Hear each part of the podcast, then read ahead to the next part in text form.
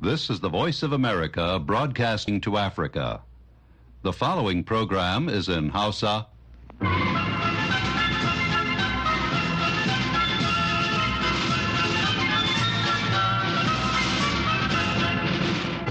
Sashen Hausa da murya Amurka yake magana daga nan birnin Washington DC. Masu sauraro Assalamu alaikum barkanmu da asuba da fatan an wayi gari lafiya. Baba ya ko makiri ne tare da Maryam Dauda da sauran abokan aiki muke farin cikin kasancewa da ku a wannan shiri na safiyar yau Laraba 21 ga watan Fabrairu shekarar 2024. Kafin ku ji abubuwa da muke tafe da su ga Maryam da kanun labarai. To baba bankin raya ƙasashen Afirka ya yi gargaɗin cewa hauhawar farashin muhimman abubuwa a wasu ƙasashen Afirka ciki har da Najeriya na iya haifar da rashin kwanciyar hankali. Hukumar lafiya ta duniya ta WHO ta yi gargaɗin cewa tsarin kiwon lafiyar Gaza ya shiga wani mummunan yanayi yayin da cibiyoyin kiwon lafiya a gaba ɗayan yankin Falasɗina suka daina aiki. Mahaifiyar madugon adawa ƙasar rasha alexei navalny ta roƙi shugaba vladimir putin da ya saki gawar ɗanta domin a binne shi cikin mutunci. Kanan labaran kenan. A cikin shirin za ku ji cewa an kashe mutane biyu a wata aron gama tsakanin wasu al'ummomi a jihar bayelsa. Rundunar 'yan sandan jihar ta bayelsa ta tabbatar da faruwar lamarin kuma ta ce mutane biyu ne suka halaka. Rundunar ta ce tuni ta tura jami'anta domin tabbatar da tsaro a inda lamarin ya faru. Kamar kowace safiyar laraba yau ma murtala faruk sanyin na zai shigo mana da shirin sa na baki mai yanka wuya wanda a yau shirin zai duba yadda ake fama da matsin rayuwa a najeriya. Amma kafin nan sai a gyara zama a sha kashin farko na labaran duniya. Jama'a Assalamu alaikum ga cikakkun labaran. Bankin Raya Kasashen Afirka ya yi gargaɗin cewa hauhawar farashin muhimman abubuwa a wasu ƙasashen Afirka ciki har da Najeriya na iya haifar da rashin kwanciyar hankali. Sanarwar bankin na kunshe ne a cikin wani rahoto da aka fadda a makon jiya. Bankin ya ce a hasashensa na shekarar 2024 karuwar farashin makamashi da abinci tare da faduwar darajar kuɗaɗen ƙasashen angola habasha kenya da najeriya na iya haifar da rikicin cikin gida. Duk da cewa nahiyar afirka na nuna alamun samun ci gaban tattalin arziki. Bankin ya kuma ce tashin hankali a gabashin turai da gabas ta tsakiya na iya haifar da ƙalubale wajen samar da kayayyaki da ƙara hauhawar farashin kayayyaki a faɗin duniya. Lamarin da zai sa yanayin ya daɗa muni a afirka. Tuni dai aka fara zanga-zanga a wasu sassan najeriya saboda yadda yunwa da tsadar rayuwa ke karuwa a ƙasar.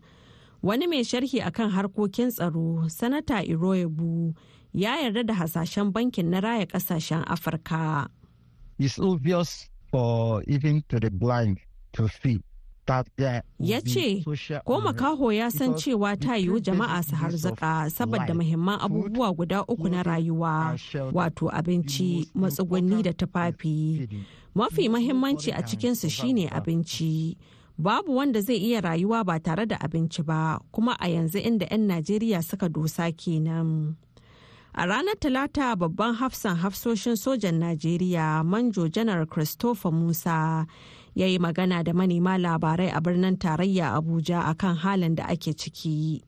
The entire world is feeling the heat. It's not only Nigeria. So it's not only peculiar to Nigeria. duniya baki ɗaya na fama. ba najeriya ba ce kaɗai. an fuskanci 'yar tarzoma nan da can. amma abin farin ciki shine ita ma gwamnati ba ta barci. ta tashi tsaye wajen ganin an magance waɗannan matsalolin. An kuma samar da matakan kawo sauƙi a duk faɗin ƙasar. Hukumar lafiya ta duniya ta who ta yi gargaɗin cewa tsarin kiwon lafiyar gaza ya shiga wani mummunan yanayi yayin da cibiyoyin kiwon lafiya a gaba ɗayan yankin falasɗina suka daina aiki ga rashin damar samun kulawar lafiya na ƙaruwa kayayyakin kiwon lafiya na raguwa bayan haka ana ci gaba da samun raguwar muhimman kayayyakin jinƙai don kula da marasa lafiya. Asibitin nasir da ke khan yunis a gaza inda sojojin isra'ila ke kai farmaki shine na baya-baya da fadan ya shafa. Hukumar WHO tare da ofishin kula da harkokin jin kai na Majalisar Ɗinkin Duniya da ake kira OCHA a taƙaice da ƙungiyar agajin Red Crescent ta Falasɗinu a kwanan nan sun gudanar da wani babban aiki mai cike da haɗari na kai mai da wasu mahimman kayayyaki a cibiyar kiwon lafiya da kuma kwashe marasa lafiya da ke tattare da haɗari daga wurin. Rick Peppercorn, wakilin hukumar WHO a yankin Falasɗinu wanda ke cikin tawagar likitocin da suka yi aikin, ya ce aikin na kwanaki uku ya fuskanci ƙalubale daga sojoji a cibiyar.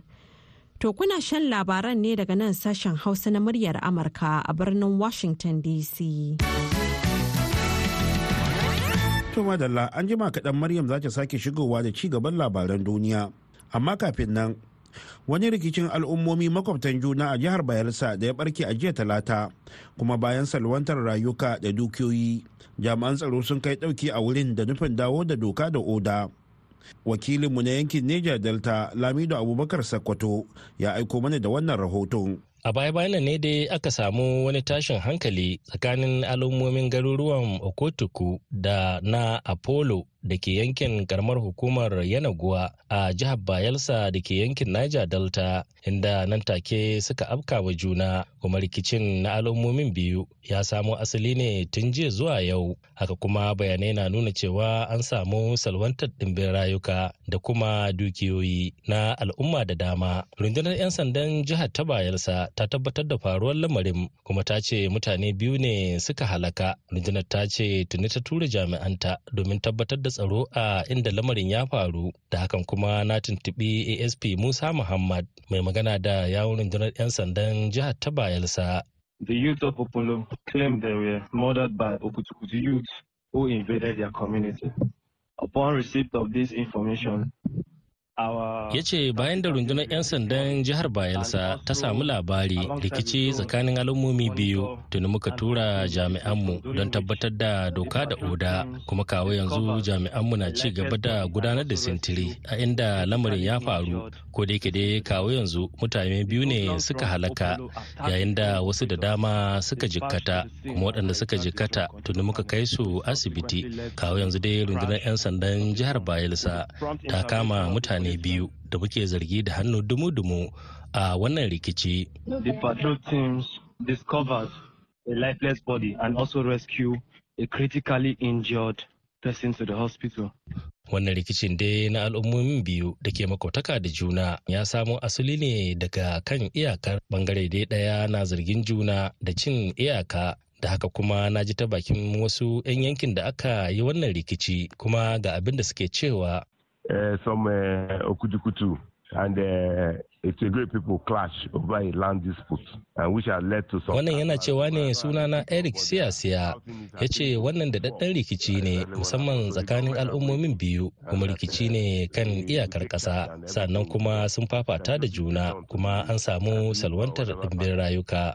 Ko da yake dai ba da adadin waɗanda suka mutu. Kawo yanzu dai bayanai na nuna cewa an kai ɗimbin jami'an tsaro kama daga na soji da 'yan sanda da civil defense domin aikin sintiri tare da tabbatar da tsaro a inda wannan lamarin ya faru. Shi ma wani ɗan yankin opolo da lamarin ya faru ya ce. Well bayelsa is not known for community uh, clashes in the sense that uh, yana cewa ne sunana dr. friye oworiso ya ce al'ummomin jihar ta bayansa a gaskiya ba sa son rikici kuma waɗannan da ke rikici suna makautaka da juna ne. Kuma muna ganin wasu matasa ne suka tada wannan rikici ko da yake dai kowane yanki da irin nashi ƙalubale ko muna fatar samun sauƙi. Gwamnatin jihar ta bayelsa dai tuni ta shigo cikin wannan batu domin ganin cewa an samu sasanci tsakanin ɓangarorin biyu. Lamido abubakar sokoto muryar amurka daga fatakwal nigeria.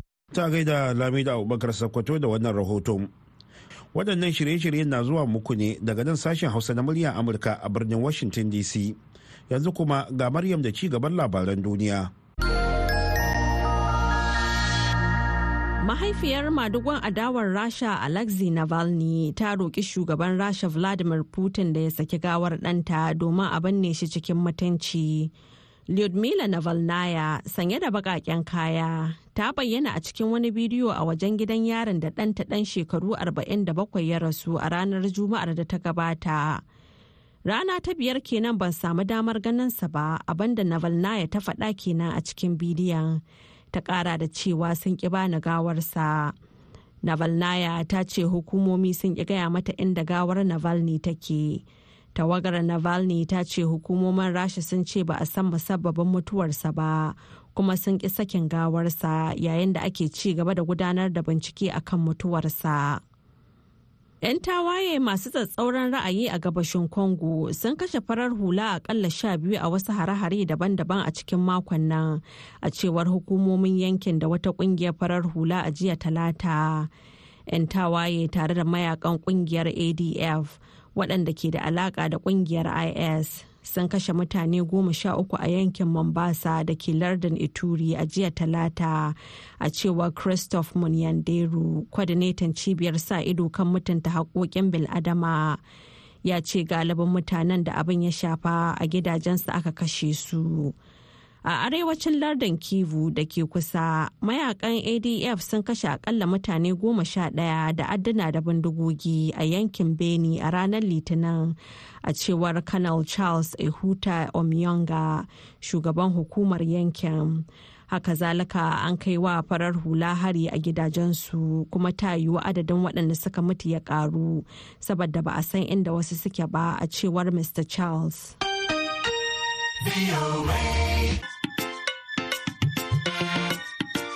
Labaran duniya kenan aka saurara daga nan sashen hausa na muryar amurka a birnin washington dc yanzu kuma bari mu koma gefe. Murtala faruku sanyin na ya kawo mana shirinmu na gaba. Baki mai yanka wuya.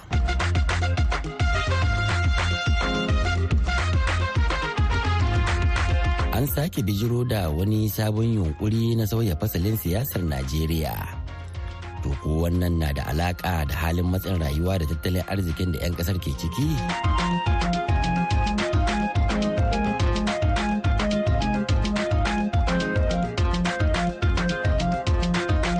Jama'a assalamu alaikum. Al'amura dai na ƙara ta'azzara kan tsananin tsadar kayan abinci da na masarufi a najeriya. Lamarin da ya sa tuni 'yan ƙasar daga sassa daban-daban suka soma gudanar da zanga-zangar lumana domin kira ga gwamnati da ta ɗauki matakan magance wannan yanayi. Duk da yake an ɗauki tsawon lokaci ana fama da komadar tattalin arziki da taɓarɓarewar tsaro a ƙasar. Manazarta na ganin tsananin rayuwar da yanzu haka 'yan ƙasar ke ciki ya ƙara ta'azzara ne tun ranar da aka rantsar da shugaban ƙasar mai ci yanzu Bola Ahmed Tinubu sa'ad da ya ba da sanarwar cire tallafin man fetur. Alhali ko majalisar zartarwa sabuwar gwamnatin bata kafa ba. Wannan da kuma tsadar tafiyar da gwamnati a irin tsari na shugaban kasa mai cikakken ikon zartarwa ya bijiro da sake buƙatar yin watsi da tsarin na shugaban kasa mai cikakken iko irin na najeriya. A farkon makon nan ne wani gungun 'yan majalisar wakilai ta najeriya su 60 suka gabatar da wani yunkuri a gaban majalisar. Wanda ke fafutukar sauya fasalin siyasa da shugabanci na ƙasar daga tsarin mulkin shugaban kasa mai cikakken iko zuwa tsarin ministoci da prime minister. Tsarin da ƙasar ta soma aiki da shi bayan samun 'yancin kai a jamhuriya ta ɗaya. dan majalisar wakilai abdulsamad da suki na daga cikin jagororin wannan fafutuka. Kamar yadda ka ce kuma ka yi bayani gaskiya haka ne mu 60 mun ɗauko wannan kudurin mun kawo gaban majalisa wanda ya shahi canza tsarin yadda ake tafiyar da mulki kamar yadda kai bayani. Ba don komi ba saboda mun ga shi dai wannan tsarin tsakanin da allah muna ganin bai ma al'umma mu tasiri ba bai kawo ci gaban da ya kamata a ce ya kawo mana ba cikin wannan tsarin da demokradiyya bayan shekara kusan ashirin da yanzu biyar. Shi tsarin da wanda aka yi mana shahada shi tun lokacin su premier sai amadu bello duka alamu mun ga cewa shine mafita shine alheri ga al'ummarmu kuma shine tsarin da ya kawo ci gaba ga al'ummarmu cikin lokaci kalilan. To bisa ga haka ne muka ga cewa wajibi ne gare mu a matsayinmu na wakilan al'umma mu kawo dokoki da hanyoyin da za su kawo ci gaba al'ummarmu to shi yasa muka fara wannan tafiyar yanzu. Ba wannan ne karon farko da aka bijiro da irin wannan yunkurin ba domin ko an sha jin irin sa a can baya amma kuma abin da ya bai yiwu ba. Wani tanadi kuka yi kuma wani shiri kuka yi don ganin cewa wannan karon an ci nasarar wannan shirin? Haka ne babu shakka kamar yadda ka ce mun kawo wannan kudurin nan a shekara ta 2018 amma lokacin da muka kawo shi ina ganin zaɓe saura kusan wata biyu da rabi. Kuma allah bai nuhau yan sun sun dawo majalisa ba lokacin shi yasa ina ganin abin bai tasiri yadda ya kamata ba. Amma dai yanzu in allah da abubuwan sun bambanta kamar yadda ha gani wannan kudurin mun sake dawo da shi bayan an gama zaɓe muka fara tsare-tsare da yadda ya kamata mu da shi. To kamar yadda ha gani mun bari sai bayan an kare duk shari'u wanda kuma dukkan su ciki ikon allah an kare su kusan watan januwari su watan february kuma sai muka shigo da wannan kudurin saboda a samu lokaci a tattauna tsakanin mu da 'yan majalisar mu tsakanin mu da 'yan majalisar jihohi tsakanin mu da duk shugabanninmu na al'umma daga shugabannin addini shugabannin siyasa 'yan kasuwa da kowa. Muna so ya sa baki cikin wannan tsarin saboda mu samu ma al'umma mu mafita ga baki mu. To wannan in allah yadda zai bambanta da inda aka fito ko da irin wancan wanda aka taba kawo kafin yanzu. To tsarin da kuke fafutukar komawa honorable an taɓa yin sa a Najeriya a can baya amma kuma aka bar shi aka koma tsarin da ake kai a yanzu. Baka ganin cewa wataƙila kamar wata matsala ce a wannan lokacin ta sa aka yi wannan canjin kuma za ta iya bijirowa nan gaba? A malamin tala wannan ai wannan tsarin da da Allah mu da dukkan alamu kowa ya gani cewa wannan shine alheri cikin iko Allah ga al'ummar mu dan kaga an gwada shi dan shekarun da an kai lokacin su premier su sa amadu bello a yanzu su ne muke bun gaba. Abubuwan da suka kawo mana ne ci gaban su ne har yanzu muke magana. To gaskiya ina ganin wai an gwada shi an ce kuma bai ba. A soja ne lokacin da mun sani juyin mulki shi ya dakatar da ta nan da ake amma yanzu in allah yadda ga dukkan alamu muna son irin wannan tsarin in ya zo in Allah ya ƙara inganta rayuwa al'umma ya kawo ci gaba ga al'umma. Sannan ko ba wani abu in ka duba da tsarin yake menene tsarin parliamentary? Inda zaka zauna ne mu zauna mu haɗu ga abubuwan da muka so ga abubuwan da ya kamata a amince sannan a zartar da sunan wurin. Al'umma babu wani abun siri a cewa mutum guda zai zauna cikin ɗaki ce ga da da gwamnati. Ci gaba muke so wanda tsakani da Allah za mu taho mu tabbatar da cewa masu iyawa kowa yana ganin ku kowace rana ku ta tsaye majalisa ku yi ma al'umma bayani ga abubuwan da an kai yau ga abubuwan da za a yi gobe sannan a tabbatar da an zartar da abubuwan da an ka amince a ba irin yanzu da ake tayar da al'umma ba. Yaya kuka shata tsarin wannan fafutuka da kuke yi ma'ana bayan wannan abin da kuka so gabatarwa a gaban majalisa menene abu na gaba waɗanne tsare-tsare ne za ku bi na gaba don ganin cewa kun cimma nasara kuma wace irin rawa ce za a ce 'yan Najeriya sun taka a cikin wannan kasancewar don su ake yi. Wannan tsari na gaba shine matakin da muka ɗauka kamar da gani mun fara daga kano wancan satin da ya wuce wanda muka ga cikin wa'ansu shugabanninmu alhaji amin dantata wanda cikin ikon allah da su aka tafiyar da wannan tsari lokacin shi premier sa ahmadu bello wanda alhamdulahi kamar da in ka karanta za ga irin bayanan da ya mana na gaban da aka samu lokacin nan kuma da irin amfanin da wannan tsarin ya kawo mana. Akwai sauran shugabanni waɗanda sun ka amince da tsarin nan daban-daban. Muna nan muna bin su muna tattaunawa sannan muna hidda hanyoyi wanda za mu ƙara wayar da al'umma cewa wannan tsarin in Allah yadda in an bi shi shine alheri kuma shine mafita gare mu al'umma cikin ikon Allah. Bayan haka kuma muna sa ran yan uwanmu abokan aikin mu a majalisa su ma muna nan muna ƙara tattauna da su saboda in Allah ya yarda muna sa ran ko da za a kawo shi wannan wa'annan dokokin a karanta su karo na biyu wanda muke ce ma reader a majalisa mu samu akalla cikin mu 360 cikin 'yan majalisa akalla ko da rabin mu muna sa ran in Allah da su ba abubuwan waɗannan dokokin nan goyon baya. Kuma 'yan Najeriya ma su ma kansu muna sa ran in Allah da nan da kwanaki kalilan mutane ma su sa baki yawon bakin su cikin irin waɗannan tattaunawa da ake ko ina a majalisu da duk inda dai aka samu kanmu muka zauna mu ƙara wayar da kan juna saboda mu samu mafita mu duka al'umma kuma in Allah yadda wannan abin nan shi zai zama alheri cikin ikon Allah gare mu 'yan Najeriya da kuma yadda ake tayar da shugabanci a Najeriya. To shin menene ma bambancin waɗannan tsarin biyu ta fuskar fa'idodi da dacewar mulkin Najeriya? Shehin malami a sashen nazarin kimiyyar siyasa na jami'ar Usmanu Danfodiyo ta Sokoto, Farfesa Yahaya Tanko Baba ya amsa wannan. To shi dai tsari na farko wanda ake tema tsarin shugaba mai cikakken iko wato protection system kenan tsari ne wanda shugaban kasa da majalisar dartawa ta bambanta da majalisar dokoki. Manin kenan duk wanda ke majalisar dokoki bai da alaka da majalisar dartawa shi shugaban kasa yana da cikakken iko mutanen kasa suke zaɓa shugaban kasa kai tsaye. Kuma shi ke da dama da ƙarfin iko na kafa majalisar shi ta zartarwa. Wato majalisar ministoci kenan wanda shi zai zaɓe shi kuma daga wajen majalisa. Ko da an zaɓi ɗan majalisa ya zama minista a tsarin shugaba mai cikakken iko to zai bar dai ajiye mukamin na ɗan majalisa sannan ya kowa ɓangaren dastarwa kuma wannan tsari tsari ne wanda aka yi shi domin ya ba da damar majalisa ta duk kadin ɓangaren dattarwa sannan shi kuma shugaban kasa yana da shi ma ƙarfin da zai iya bin kadin majalisa. Haka ita kuma tsarin shari'a ita ma tana da cikakken iko a matsayin ɓangare keɓantaccen ɓangare wanda shi ma yana da ikon da zai bi kadin majalisa kuma ya bi kadin ɓangaren zartawa. Shi kuma wancan tsari na prime minister tsari ne wanda shugaban kasa ake zaɓa shi a zauren majalisa. 'yan kasa ba su ne ke zaɓen ke zaɓen shugaban kasa ko prime minister wanda ake kema shine shugaban gwamnati. A jam'iyyar da ta samu rinjaye a zauren majalisa lokacin da aka yi zaɓen yan majalisar dokoki to ita ce ke naɗa prime minister. Saboda haka duk duk party ko jam'iyyar da bata samu rinjaye ba to ta yi haɗaka da wata karamar jam'iyya domin su samu rinjaye na kujeru na biyu bisa uku wanda zai ba su dama su kafa gwamnati. Idan sun kafa gwamnati za su raba mukaman gwamnati tun daga prime minister zuwa ministoci. Wani babban bambanci tsakanin tsarin prime minister da shugaban mai cikakken iko shine a tsarin prime minister mutum guda na iya zama dan majalisa sannan kuma ya zama minista. A gwamnati a ɓangaren zartarwa.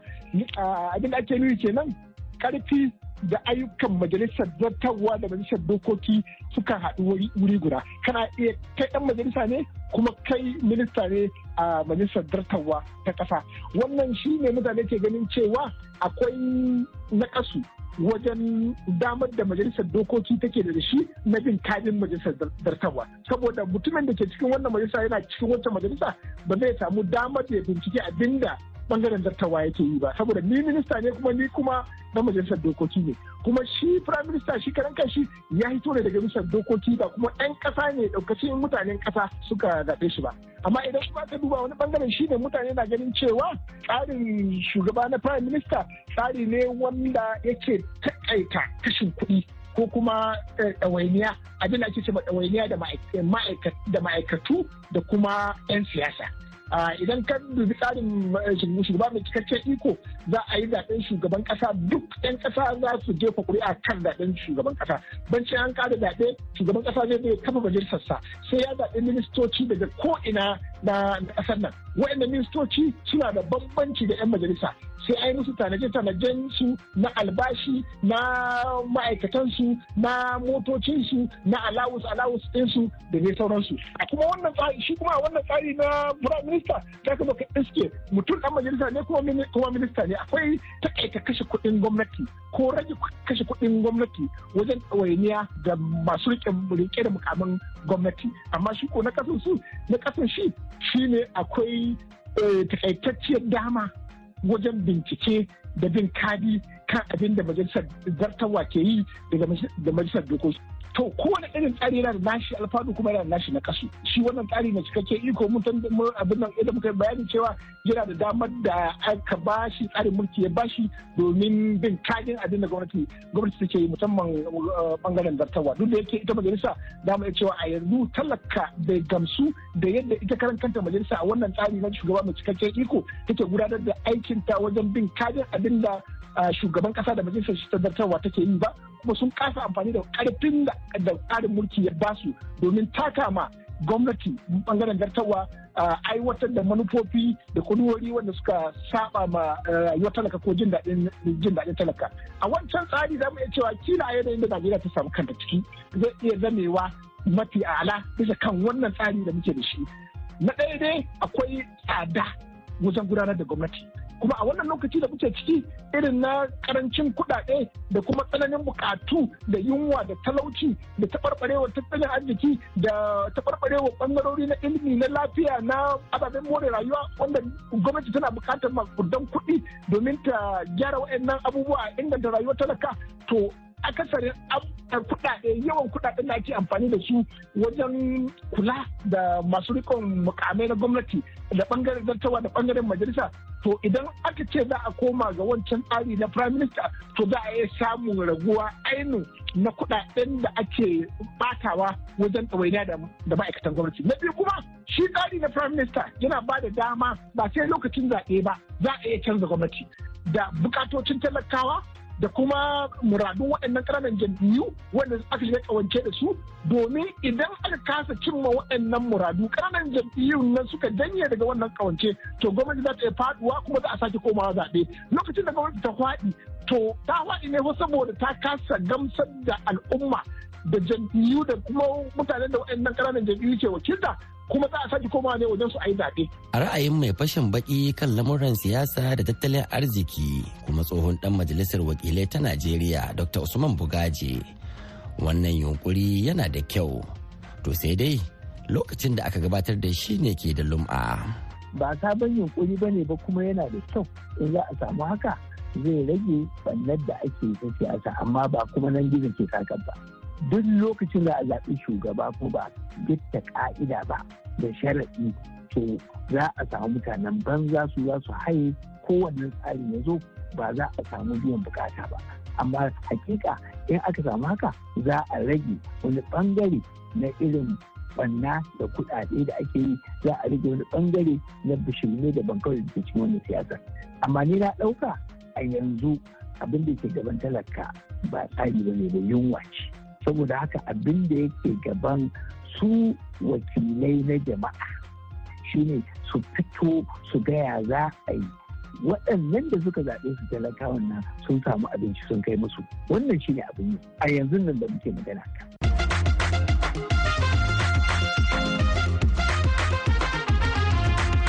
To ba iyakar zantawar mu kenan da Dr. Bugaje ba.